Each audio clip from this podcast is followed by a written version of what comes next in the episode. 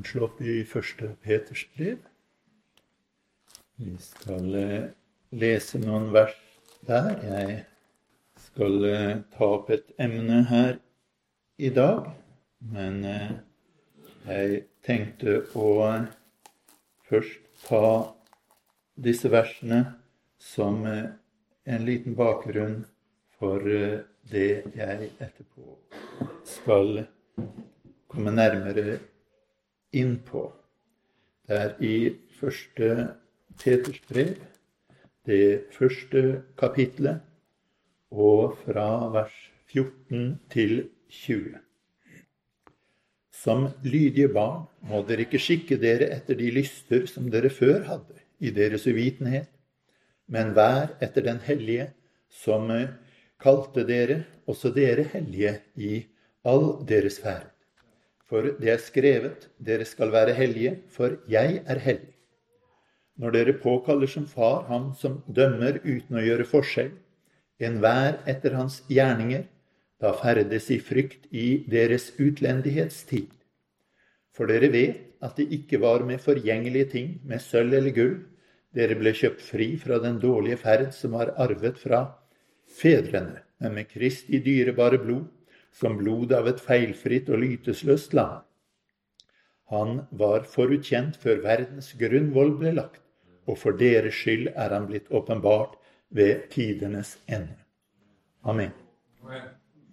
Her er det at eh, Peter han eh, skriver jo dette brevet, og han starter med, for så vidt i vers 3, å fortelle om han som etter sin store miskunn har gjenfødt oss til et levende håp ved Jesu Kristi oppstandelse fra de døde.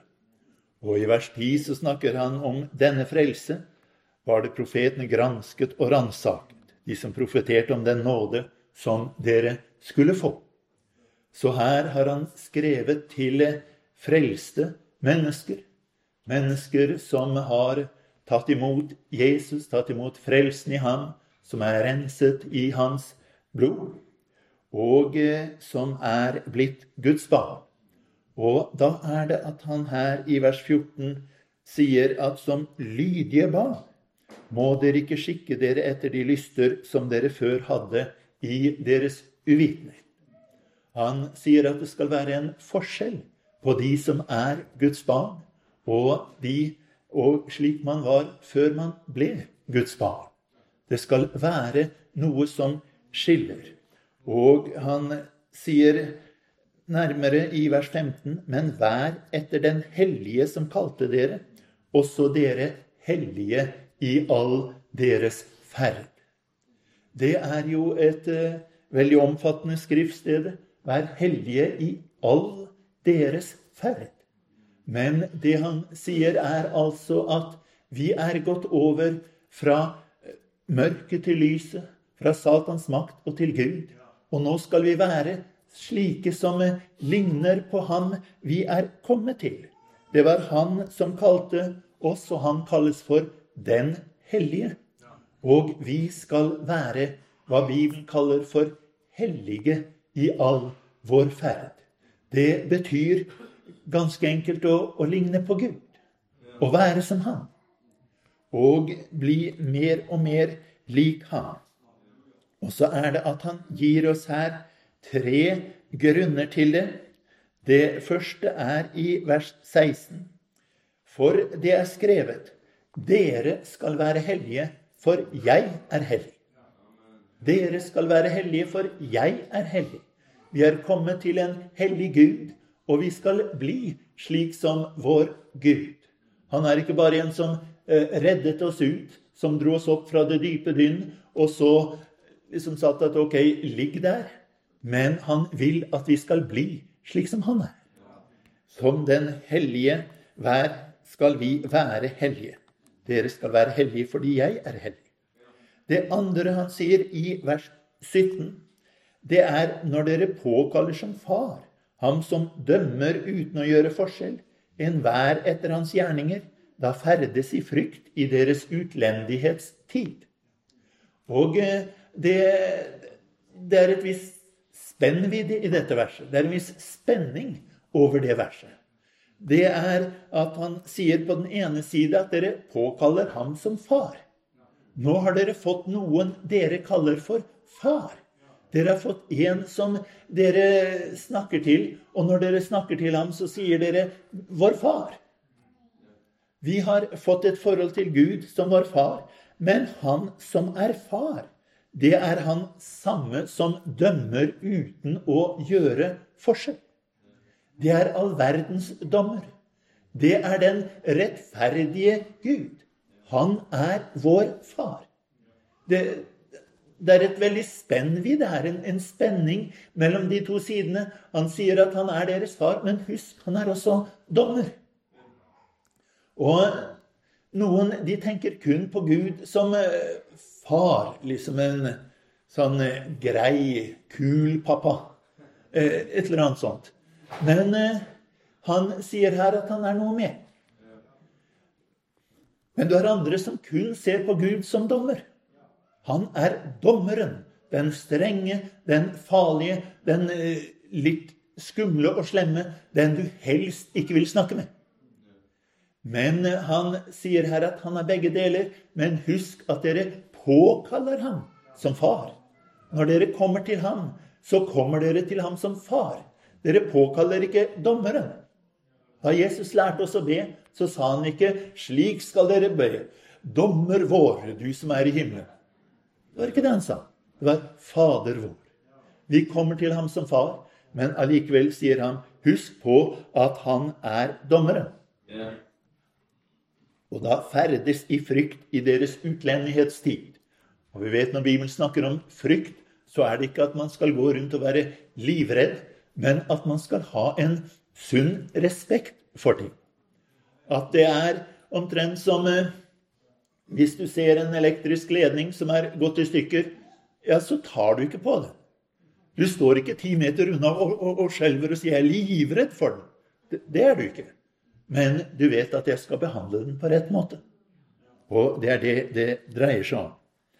Men det tredje han sier her i vers 18 og 19 For dere vet at det ikke var med forgjengelige ting med sølv eller gull. Dere ble kjøpt fri fra den dårlige ferd som var arvet fra fedrene, men med Kristi dyrebare blod, som blodet av et feilfritt og lyteløst lam. Så her sier han også altså til oss at vi skal være hellige i all vår ferd etter den hellige som kalte oss. Og grunnen til det er tre ting. Det ene er at Gud er hellig. Når vi ser på Gud, så ser vi en hellig Gud. Vi bør være slik som han er. Det andre er at han som er vår far, han er også dommer. Men det tredje, og kanskje på en måte beste begrunnelsen, for å si det sånn, det er at vi ble kjøpt fri fra vår synd med Jesu eget blod. Han var villig til å dø for å få oss hit. Det er ikke slik at han har pisket oss hit. Det er ikke slik at han har tvunget oss hit. Det var slik at han kom hit ned og døde for å få oss hit. Og det som jeg ønsket å se på her i formiddag, og som jeg ønsker at vi skal ha klart for oss og alltid tenke på, det er at Gud, han vil ha hellighet. Han ønsker et folk som ønsker hellighet, og han ønsker til enhver tid å bringe oss den raskeste veien tilbake til et hellig liv. Det vi leste om her, er ikke det eneste stedet det står om dette. Det er mange skriftsteder jeg kommer til å komme innom, så du får velge selv om du vil slå dem opp eller bare høre på meg sitere dem. Men i 1. Tessaloniker brev kapittel 5 og vers 23 så sier han bl.a.: Må Han selv, fredens Gud, hellige dere helt igjennom og må deres ånd, sjel og legeme bevares fullkomne, ulastelig ved vår Herre Jesu Kristi komme. Her er det altså at han ber om at vi må bli helliget helt igjennom. Og dette er noe som er Guds ønske. Dette må også være noe som skal være vårt ønske. Og eh, han sier der i Filipperne 3,13.: Brødre, jeg mener ikke om meg selv at jeg er, har grepet det, men ett gjør jeg, jeg glemmer det som ligger bak, og strekker meg ut etter det som er foran. Med andre ord, han var klar over at han ikke var fullkommen. Han var klar over at han ikke var perfekt. Han var klar over at det var noe som manglet. Men han sier det er et ønske jeg har, og det er å bli slik Gud ønsker jeg skal være. Jeg har et inderlig ønske om å bli slik. Jeg glemmer det som ligger bak, og strekker meg ut etter det som er foran. Du vet, Vi er veldig lett for å huske det som ligger bak, og så gir vi opp og skulle gå fremover. For når det er så ille, det som ligger bak, hvordan skal jeg tro at det skal gå bedre fremover? Men Paulus hadde et sunt forhold til dette. Han sier at ja, det har skjedd mange ting, men det glemmer jeg. Og så strekker jeg meg ut etter noe som er bedre. I Salme 51, 12, så er det en som ber der Gud skap i meg et rent hjerte og forny en stadig ånd inni meg. Dette inderlig ønsker Gud. Gjør noe på innsiden. Forny en stadig ånd. La det hele tiden komme noe frem i meg. Det er det som må være vår holdning. Men eh, hva er det Gud har gjort i denne sammenheng? I Romerne 3,23 så står det alle har syndet og fattes Guds ære. Og de blir rettferdiggjort uforskyldt av Guds nåde ved forløsningen i Jesus Kristus. Alle har syndet, men Gud han har gjort noe med det. Gud ønsker at det skal skje noe. Derfor har han gjort noe. Han sier i 1. Korinterbrev 6,11, etter at han har ramset opp mange synder, så sier han at således var det med somme av dere, men dere har latt dere avtvette. Dere er blitt helliget, dere er blitt rettferdiggjort i den Herre Jesu navn og i vår Guds ånd. Gud har gjort noe med oss. Og han sier her dere har latt dere avtrede. Dere er blitt helliget. Det er ikke noe vi har gjort, det er noe Gud gjør med oss. I 1. Johannes 2,1 så sier han, 'Mine barn, dette skriver jeg til dere for at dere ikke skal synde.' Og hvis noen synder, har vi en talsmann hos Faderen, Jesus Kristus den rettferdige. Og han er en soning for våre synder, og det ikke bare for våre, men også for hele verdens. Med andre ord, han sier at eh, målet med det jeg skriver, er at dere ikke skal synde. Men hvis noen synder, så er det en som taler vår sak innenfor Guds trone. Og han som taler vår sak, han har attpåtil dødd for oss. Han har attpåtil tatt på seg vår synd. Det, det, er litt av en talsmann å ha. Det er en som ikke kommer og sier at ja, Gud, du, du må tilgi ham en gang til, for jeg tror nok det går bedre neste gang. Det er ikke det han sier. Det han sier, er at 'Jeg har dødd for dette'. Mitt blod rant for dette. Jeg er soningen. Det er det som ligger i det Jesus gjorde. For hva er det som er Guds mål i det hele? Jeg skal bare lese noen skriftsteder i Esekiel 1832 så står det For jeg har ikke behag i at noen skal dø, sier Herren Herren.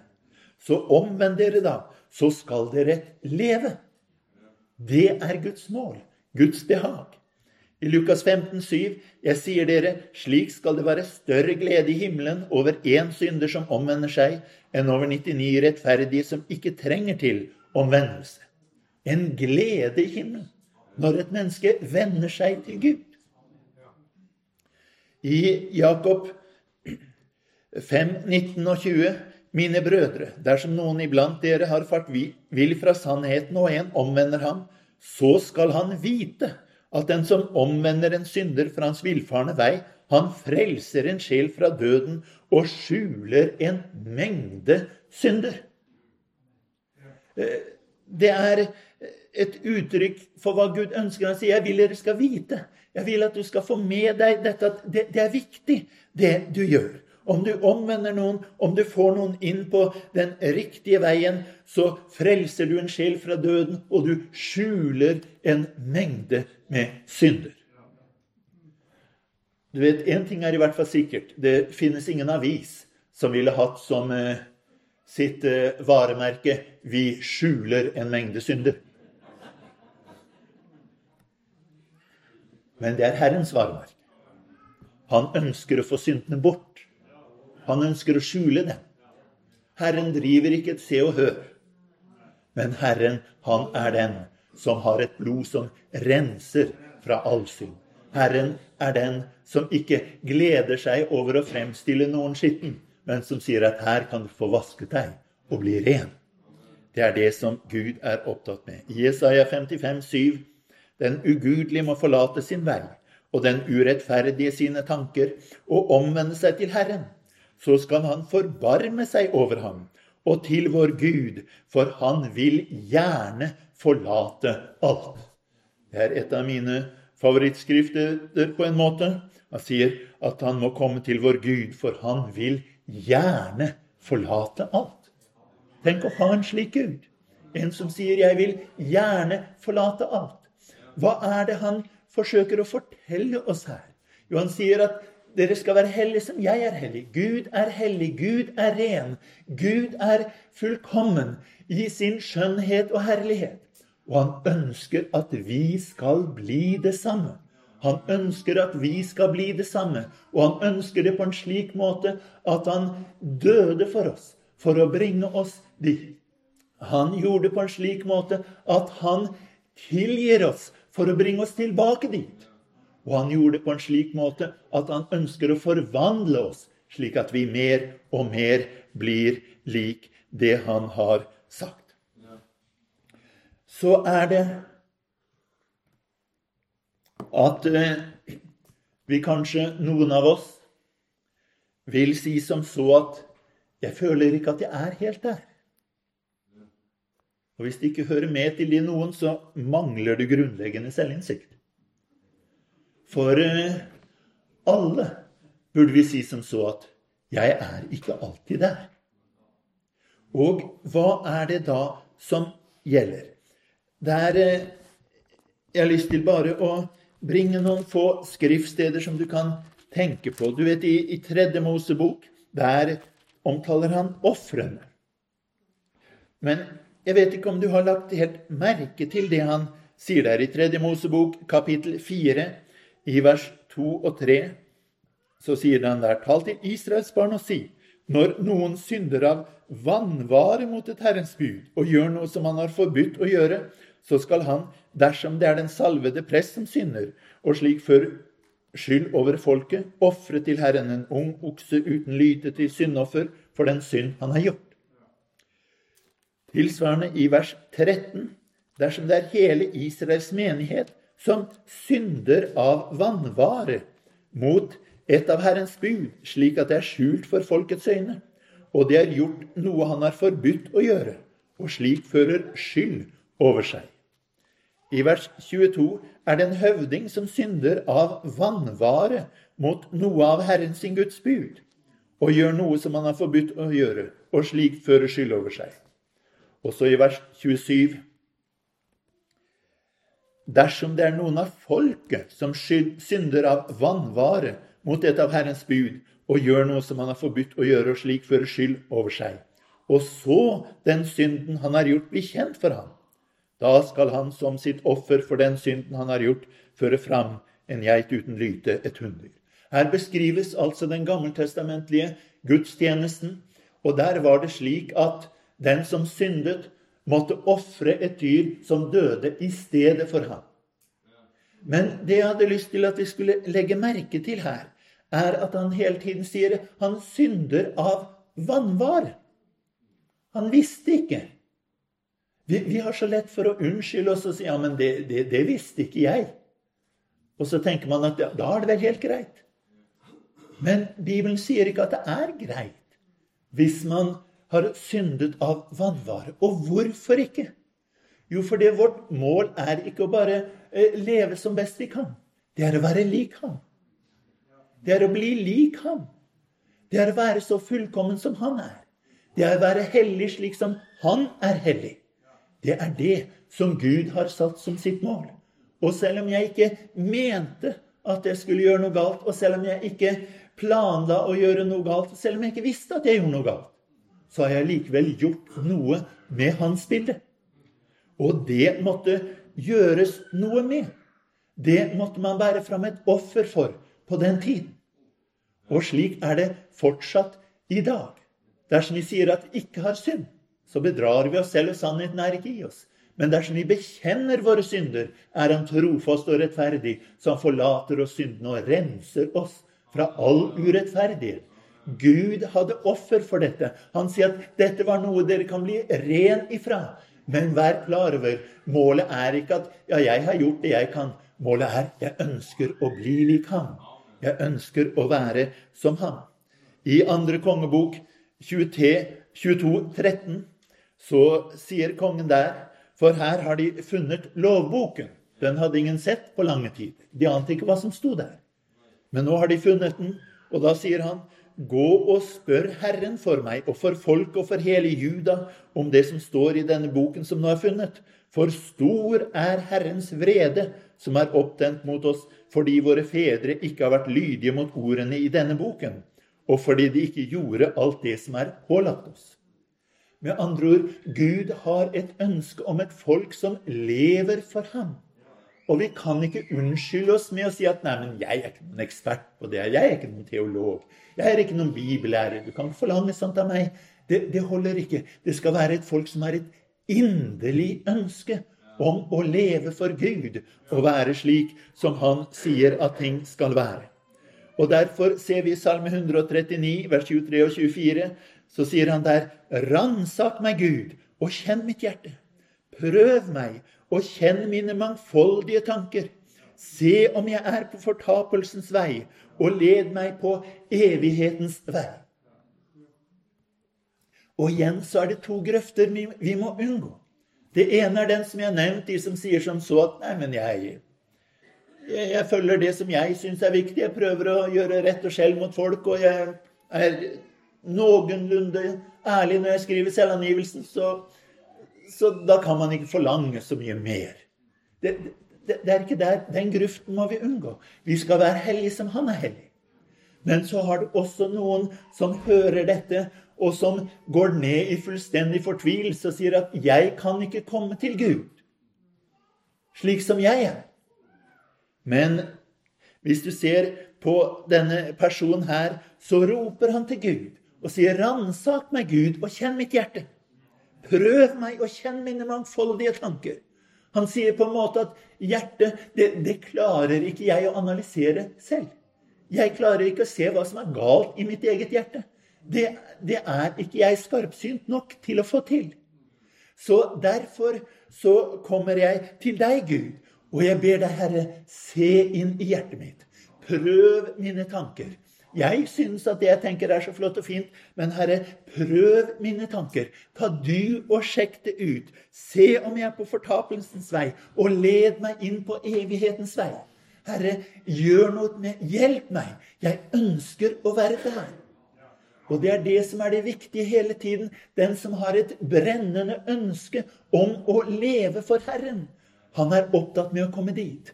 Og hva er det Gud er opptatt med? Han er opptatt med å få et folk som er rent og hellig for ham. Og han er villig til å rense enhver. Vi er ikke rene i oss selv. Vi trenger at han renser oss. Vi er ikke fullkomne i oss selv. Vi trenger at han helliger oss. Vi trenger Herren. Hvordan er det så at vi skal håndtere det? Er en praktisk måte å oppnå denne helligheten på? Vel, der vil jeg si at for det første så har vi du vet, Det er to ting bestandig når det gjelder sykdommer og det ene med det andre. Du har det som er forebyggende, og det som er legen. Og hvis vi først har det forebyggende I Salme 119 vers 11 så sier han I mitt hjerte har jeg gjemt ditt ord for at jeg ikke skal synde mot deg. Nå snakker vi personlig. I mitt hjerte har jeg gjemt ditt ord for at jeg ikke skal synde mot deg. Det er noe av det vi bør begynne med. La oss granske ordet, la oss grunne på ordet. La oss ta til oss ordet. Salig er den mann som ikke vandrer i ugudelig folks råd, som ikke står på synderes vei, som ikke sitter i spotteres sete, men har sin lyst i Herrens lov og grunner på Hans lov dag og natt. Han skal være like tre plantet ved rennende bekker. Det gir sin frukt i sin tid, og dess blad visner ikke. Slik er det med oss. Men også så har du, som det står i Salme 51, 12, Gud, skap i meg et rent hjerte, og forny en stadig ånd inni meg. Én ting er å ta til seg av Guds ord. Den andre tingen er å be til Herren om hans hjelp. Men også så har vi noe som står i Galaterbrevet 5, 22 og 23. Men åndens frukt er kjærlighet, glede, fred, langmodighet, mildhet, godhet, trofasthet, ydmykhet, avholdenhet. Mot slike er loven ikke. I 2011-oversettelsen så er det siste oversatt med ydmykhet og selvbeherskelse. Det som i vår bibel står avholdenhet, det betyr noen som er herre over seg selv. I Titus 1, 8, hvor det står om en tilsynsmann om å være gjestfri, glad i det gode, sindige, rettferdig, hellig, avholdende. Der står det også tilsvarende i den 2011-oversettelsen han skal være herre over seg selv.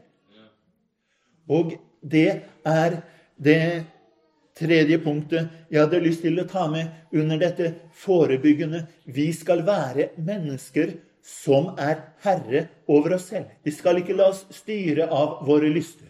Vi skal ikke la oss styre av det som skjer rundt oss. Vi skal ikke la oss styre av andre mennesker. Men den som lever for Herren, han skal si som så Jeg ønsker å være herre over meg selv.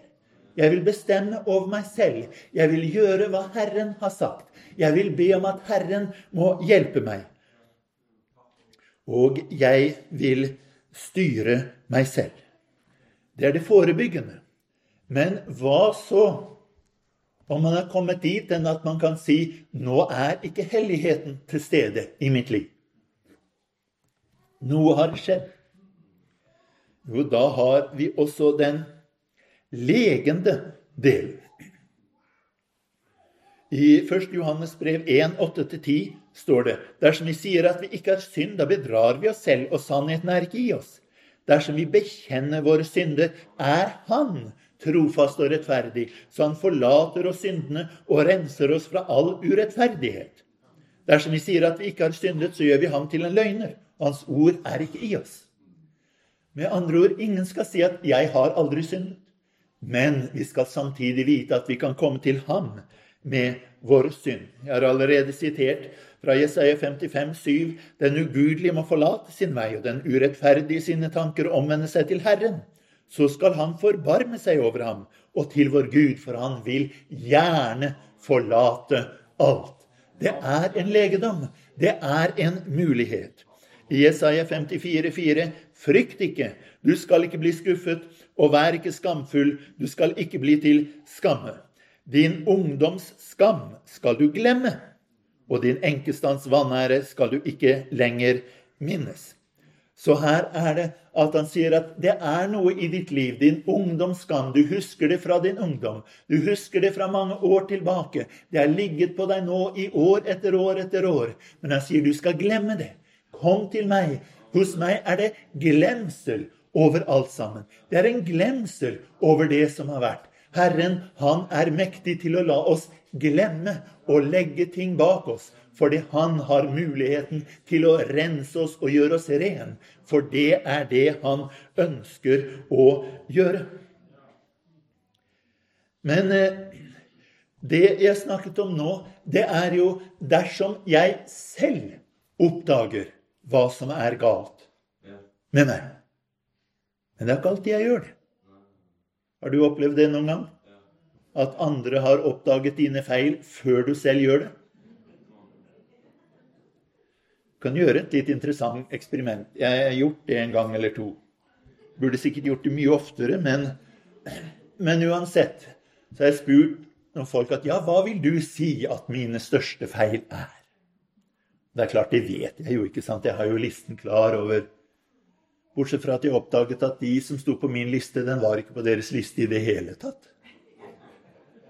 Men det var andre ting som de hadde på sin liste over mine største feil.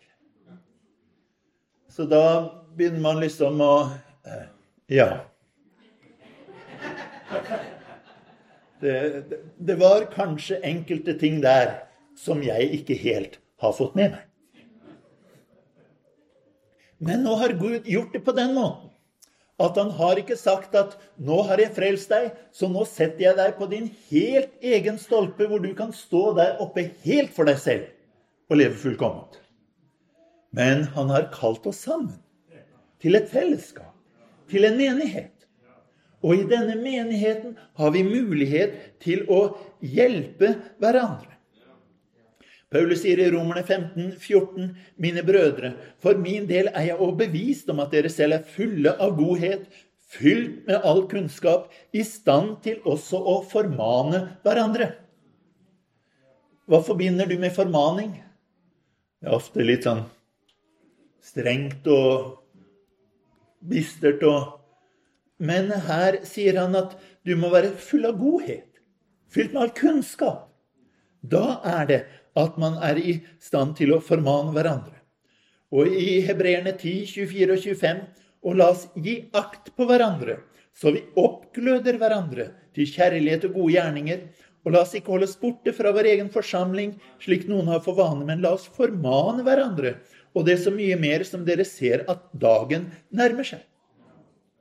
Så det å komme sammen på møter Hvorfor skal vi gjøre det? Han sier jo her la oss ikke holde oss borte fra vår egen forsamling. Altså, så vi er nødt til å gå på møte? Nei, det er ikke det han sier. Det han sier, er at la oss gi akt på hverandre, så vi oppgløder hverandre. Så vi kan komme til å hjelpe hverandre videre. Det ordet 'formane' det, det er et litt interessant ord. Det er eh, på gresk 'parakaleo', og det kjenner dere sikkert alle til. Men eh, det er eh, Det er ikke alle greske ord man kan dele opp for å finne ut hva det betyr. Men det her tror jeg man trygt kan gjøre det med. Para, kaleo. Para, parallell, det er sånn ved siden av. Kaleo, det er å kalle. Og det er å kalle noen til seg, på en måte. Kom hit. Men derfor vil du finne at i Bibelen så er det noen ganger oversatt 'formane'. Noen ganger så er det oversatt med 'oppmuntre'. Noen ganger er det oversatt med å trøste. Og jeg tok før møtet her og så gjennom alle steder i Det nye testamentet hvor det forekom, og sammenlignet 88-oversettelsen og den nye 2011-oversettelsen. Og mange steder så hadde de endret det fra det ene til det andre. Fra formaning til oppmuntring. Det, så kan du si at ja, formaning og oppmuntring og trøst det er jo tre veldig forskjellige ting. I hvert fall sånn jeg umiddelbart tenker, at det er forskjellige ting. Men det ordet betyr, det er å få noen til å komme hit. La, la oss si at det er noen som springer maraton. Og så står du ved mållinjen hvor det skal komme. Og så ser du en som kommer deg spaserende en latsabb som ikke gidder å gjøre noe. Hva roper du da? Du sier, 'Hei, kom hit!' Kom hit! Se til å kom hit! Og så ser du en annen som kommer, som knapt klarer å bevege seg. Hva sier du da? Kom hit. Kom igjen. Du klarer det. Kom igjen. Kom hit. Men du sier jo nøyaktig det samme. Bare litt forskjellig tonefall. Men det du ønsker for begge to, er nøyaktig det samme. Du ønsker at latsabben skal få fart på seg og, og, komme dit han skal. Og du ønsker at den som er i ferd med å gi opp, skal få mot og styrke og, og klare å komme dit du skal. Så derfor så er det samme ordet. Det er oversatt med formaning, med oppmuntring, med trøst. For det, det dreier seg om, er egentlig verken formaning eller oppmuntring eller trøst. Det er å få folk dit de skal være. At vi gjør det vi kan for å hjelpe hverandre til å bli det han vil vi skal bli. Og derfor så står det også det, kan du si, er det forebyggende delen av det. Men han sier også, hebreerne 3,12.: Se til, brødre, at det ikke hos noen av dere er et ondt og vantro hjerte, så han faller fra den levende Gud, men forman hverandre hver dag, så lenge det heter i dag, for at ikke noen av dere skal forherdes ved syndens svik. Med andre ord, hvis du ser at noe er i ferd med å skje, så sier han da skal man begynne med formaning, med oppmuntring, med å hjelpe hverandre til å komme dit vi skal. Galaterne 6,1.: Brødre, om også et menneske skulle bli overrumplet av en eller annen synd, da hjelp ham til rette, dere åndelig, med ydmyk ånd, men ta deg i vare, så ikke du også blir fristet.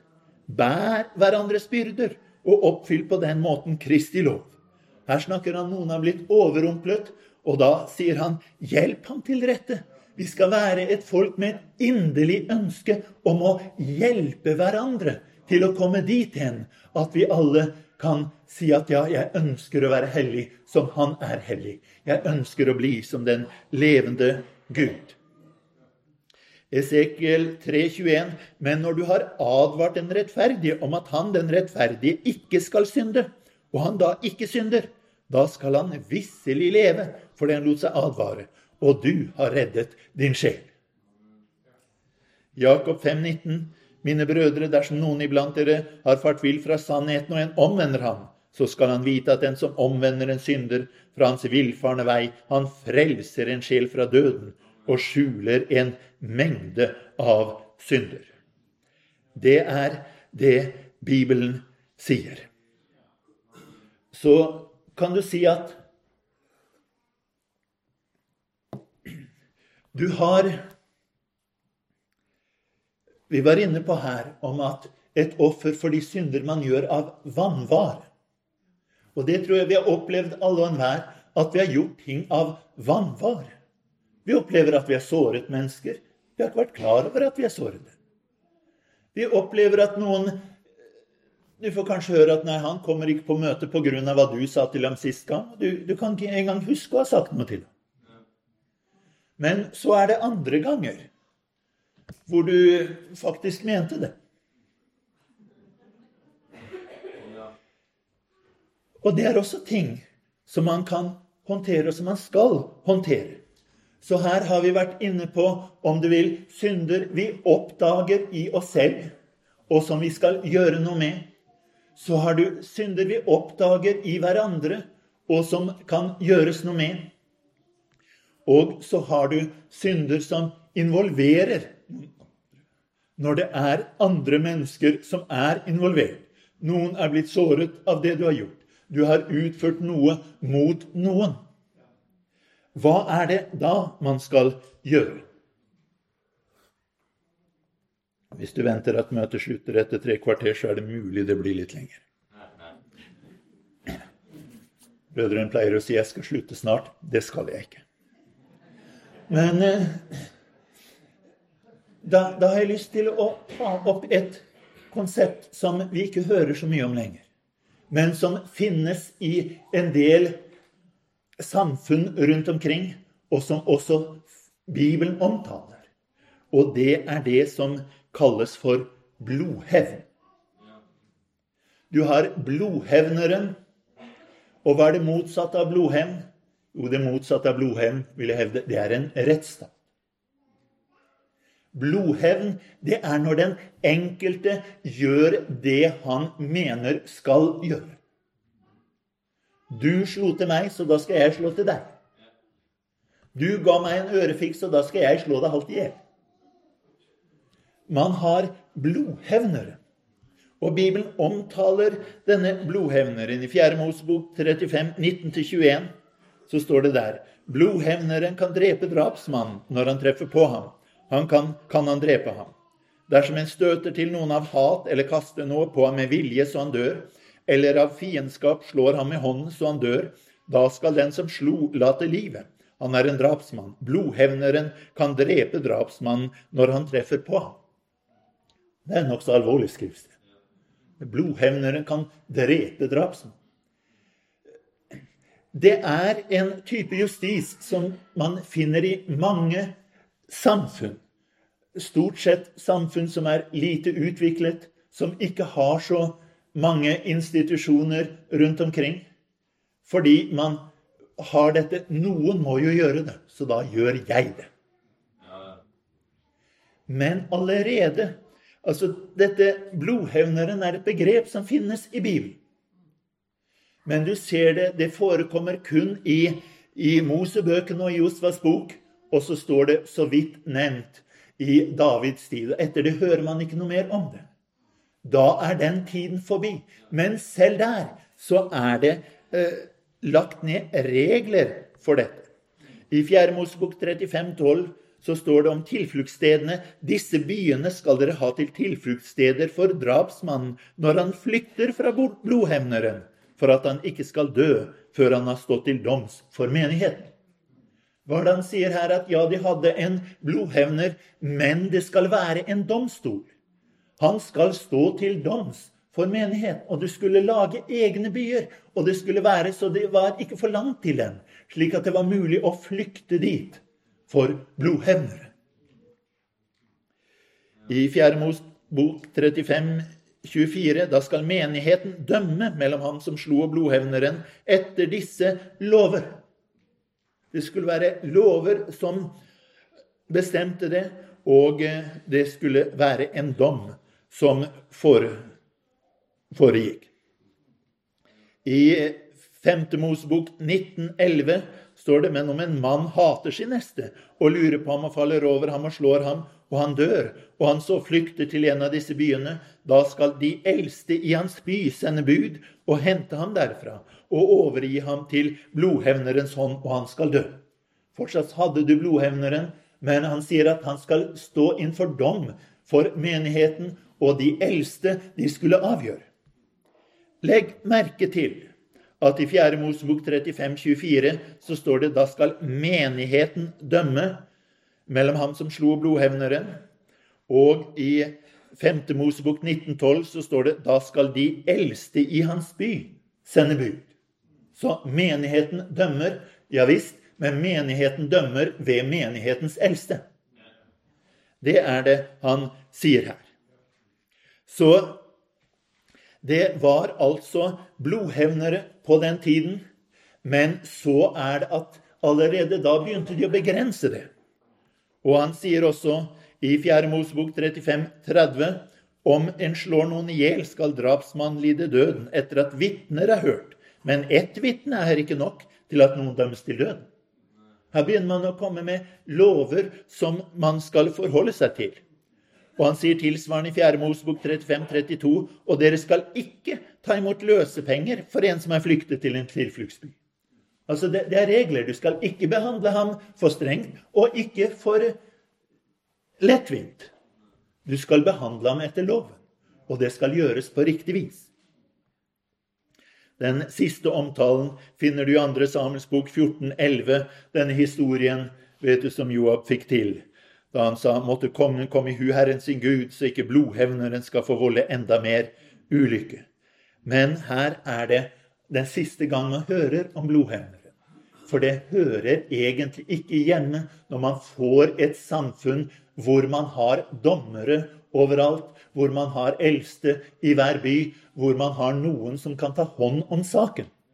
Da trenger man ikke lenger at noen på egen hånd skal utføre denne dommen. For eh, hva er problemene med en slik tankegang bak blodhevneren?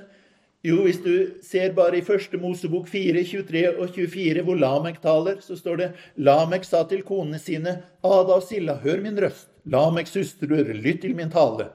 En mann dreper jeg for hvert sår jeg får. En gutt for hver skramme jeg får. For hevnes Kai sju ganger, da skal Lamek hevnes 77 ganger.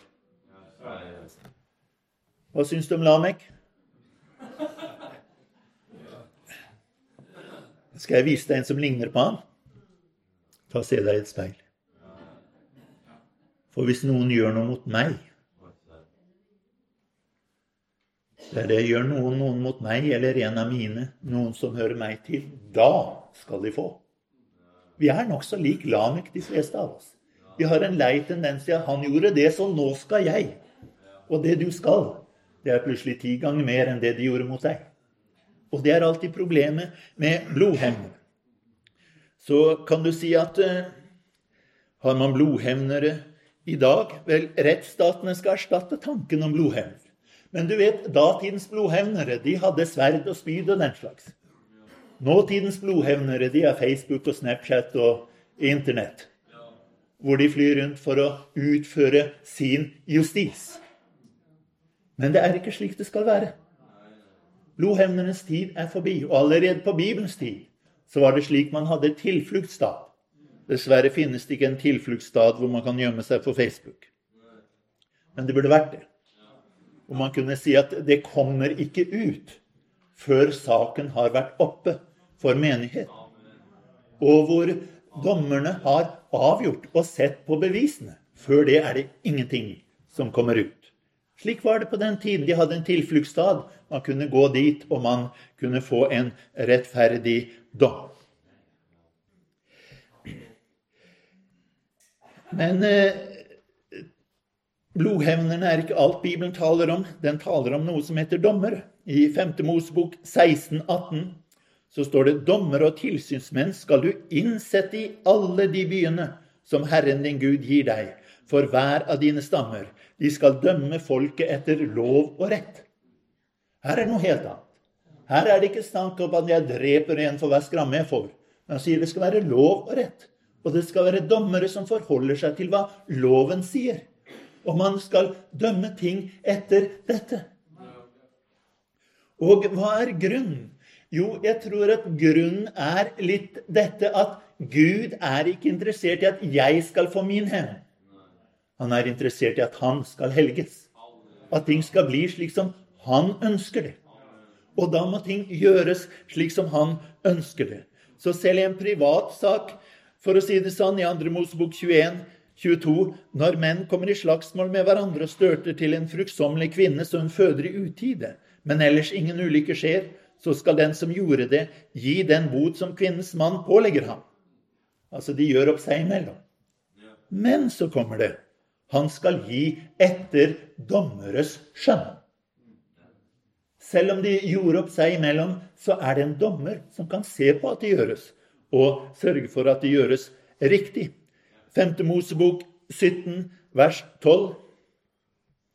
Men den mann som er så overmodig at han ikke hører på presten, som står der for å tjene Herren din Gud, eller på dommeren, den mannen skal dø. Slik skal du rydde det onde bort fra Israel. De tok nokså alvorlig på det. De sa at du skal høre på dette. Du skal ikke bare sette i gang og si at 'nei, jeg er ikke enig'. Jeg vil gjøre min egen type uh, rettferdighet her. Jeg vil ha hevn. Den, den, gikk ikke. Du skulle høre på den. 5. Mosebok 1, 16. Den gang bød jeg også deres dommer og sa:" Hør på de sakene som deres brødre har seg imellom, og døm med rettferdighet mellom en mann og hans bror, eller en fremmed som bor hos ham. Døm med rettferdighet. Er dette bare i Det gamle testamentet? Vel, i 1. Tessalonikerbrev 5.12 vi ber dere brødre at dere verdsetter dem som arbeider blant dere, de som er deres forstander i Herren, og formaner dere. Ja, men leste vi ikke tidligere at vi skal alle formane hverandre? Ja, vi skal alle formane hverandre. Allikevel er det noen som han sier de har fått som sin spesielle oppgave å være deres forstandere, deres ledere i Herren, og formane dere. Det er slik det står at ikke alle skal være lærere. Ja, Men står det jo ikke også at uh, hvordan er det når dere kommer sammen? Da har enhver en sang, en salme, en tunge, en tydning, en åpenbaring, en lære. Ja, det kan alle ha, men ikke alle skal være lærere. Og vi skal alle være med å formane hverandre.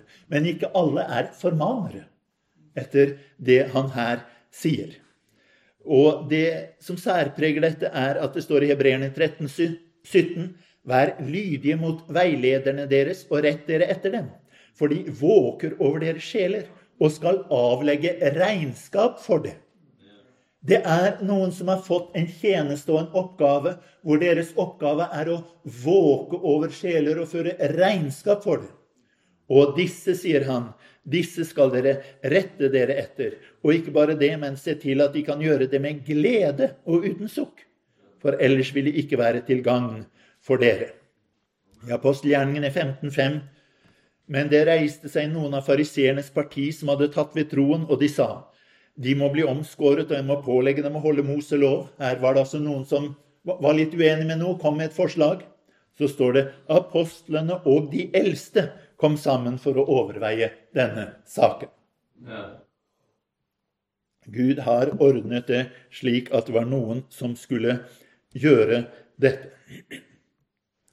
Så er det at i 1. Korinterbrev 6,4.: Når dere så har saker som angår dette livet, så setter dere dem til å være dommere, som ikke blir aktet for noe i menigheten. Det var en klage han hadde til korinterne. Han sier dere velger noen til å skulle dømme om saken som dere ikke hører på ellers. Skal det være noen som er dommere, så må det være noen som har brakt inn noe som er rett, noe som er godt. Hva er det vi er ute etter her? Vi er ute etter at vi skal være hellige liksom Han er hellig. Vi er ute etter å få oppleve Guds herlighet i vårt nærvær. Vi er ute etter å få se Hans skjønnhet og Hans storhet slik som den er. Og da er vi avhengig av at det er mennesker som kan forkynne om Guds storhet, slik at man ser den. Vi er avhengig av mennesker som kan beskrive Guds herlighet, slik at man ser den. Vi er avhengig av folk som kan veilede oss inn på den veien som vi skal gå. Vi er avhengig av mennesker som du kan si at 'disse menneskene stoler jeg på', for de har ført meg på rett vei. De har lært meg hvor jeg skal gå. De har forklart dette for meg. Dette er mennesker som aktes for noe i menigheten. Og de som aktes for noe, sier, la det være slike som du velger som dommere. Mennesker man i menigheten setter pris på, som man hører på. I Korint så gikk det jo til og med til uh, dommere som var ufrelste. Men han sier at det bør ordnes internt. Så hvordan er det så ting skal gjøres? Vel, i Matteus 5,23 så står det Derfor, når du bærer ditt offer frem til alteret, og der kommer i hu at din bror har noe imot deg, så la ditt offer ligge der foran alteret, og gå først bort og forlik deg med din bror, og kom så og bær ditt offer frem. I Matteus 18, 15 står det, men om din bror synder mot deg, så gå og tal ham til rette, han og du alene. Hører han på deg, har du vunnet din bror. Så hvem er det som skal gå? Er det han som kommer i hu at din bror har noe imot deg? Eller er det han som Det står at din bror synder mot deg. Altså, Hvem av de er det den som er blitt syndet imot, eller er det den som som har syndet og vet at han har noe imot meg? Vel, det, det han sier, er bare ordne opp i saken. Ordne opp i saken. La det bli ordnet. Og hvem skal ordne opp? Vel, den første som kjenner at her er det noe som bør ordnes opp, får ta kontakt. For det er noe som gjelder i det vi leser her, at vi er ikke ute etter å være Se og Hør eller Dagblad eller et eller annet og liksom publisere mest mulig. Men han har skjult en mengde synd. Hvis du og jeg har noe utestående, og vi kan få gjort opp oss imellom, så kan det bli borte. Så kan det bli håndtert. Og så er det ikke noe mer å gjøre. Da blir en masse synder skjult. Hvis man bare kan bli kvitt det på den måten. Har du noe imot meg, snakk med meg. Hvis jeg har noe imot deg, så kan jeg snakke med deg. Hvis vi har et eller annet uoppgjort, og plutselig slår det meg at kanskje det var noe, la oss prøve å få saken ut av verden. Slik at vi kan snakke med hverandre og få det bort. Men hvis vi ser der i, i Matteus 18, 15-17 Men om din bror synder mot deg, så gå og tal ham til rette, han og du alene. Hører han på deg, har du vunnet din bror. Men hører han ikke, så ta med deg en eller to andre, for at enhver sak skal stå fast ved to eller tre vitners utsagn. Men vil han ikke høre på dem, da si det til menigheten.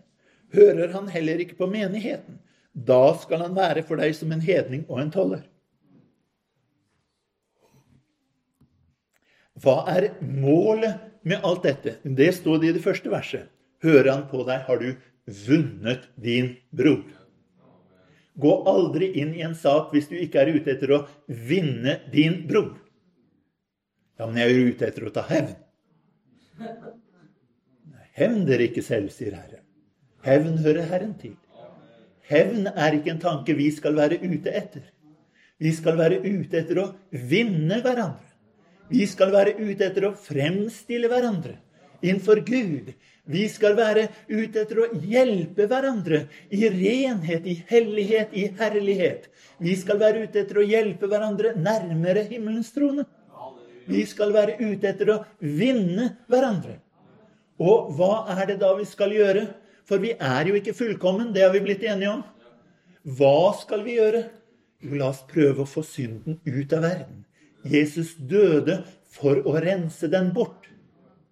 Han døde ikke for å liksom vise den frem. Han vil rense den bort.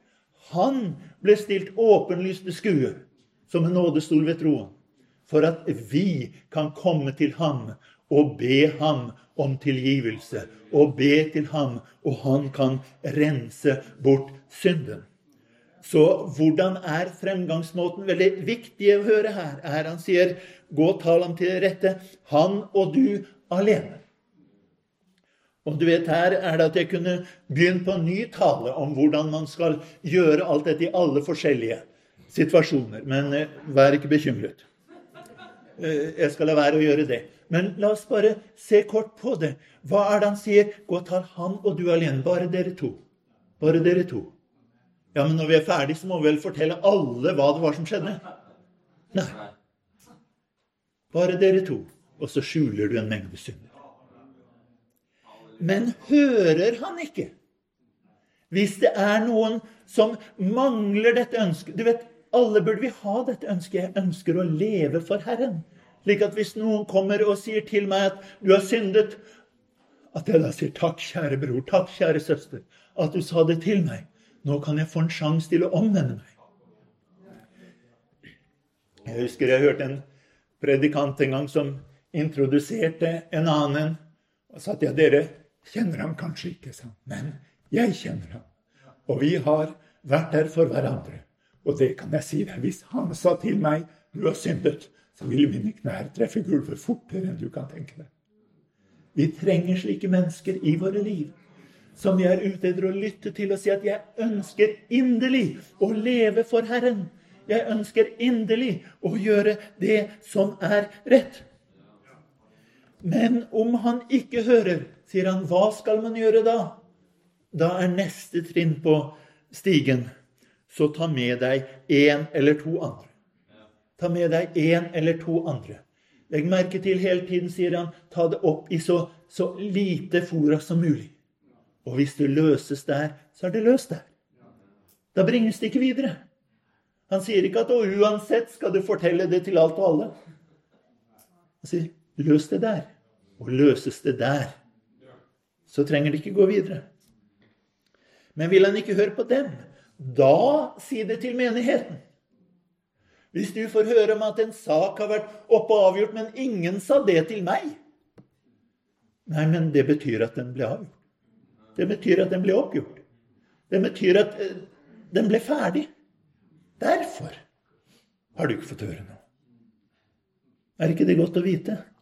At den ble ferdig. Den ble tatt ut av verden. Men så sier han det tragiske at hører han heller ikke på menigheten, da skal han være for deg som en hedning og en toller. En hedning og en toller. Altså En hedning var jo en, utlending, og en toller det var en sånn quisling som hadde foraktet folk. Så han skal være for deg som en sånn hvis han ikke hører på menigheten.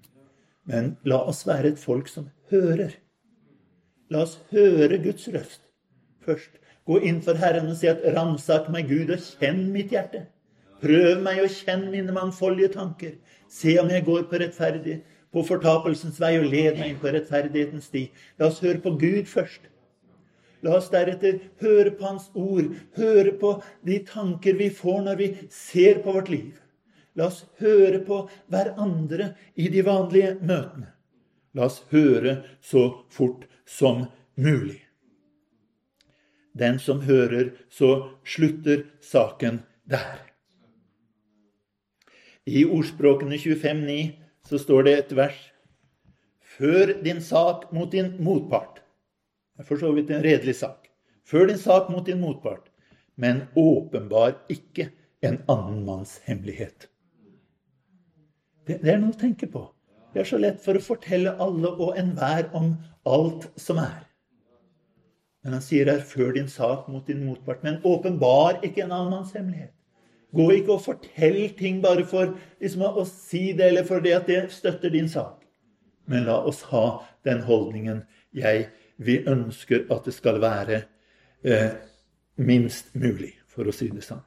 I 1. Timoteus 5,13 så står det noen dessuten lærer de seg til lediggang når de går rundt i husene, og ikke bare går de ørkesløse, men de farer også med sladder og legger seg borti andre saker og snakker om slikt som ikke passer seg. La oss ikke være slike mennesker, men la oss være blant dem som har ett og kun ett mål, og det er at vi skal bli helliget innenfor Herren. Jeg har nevnt det eksempelet før, men eh,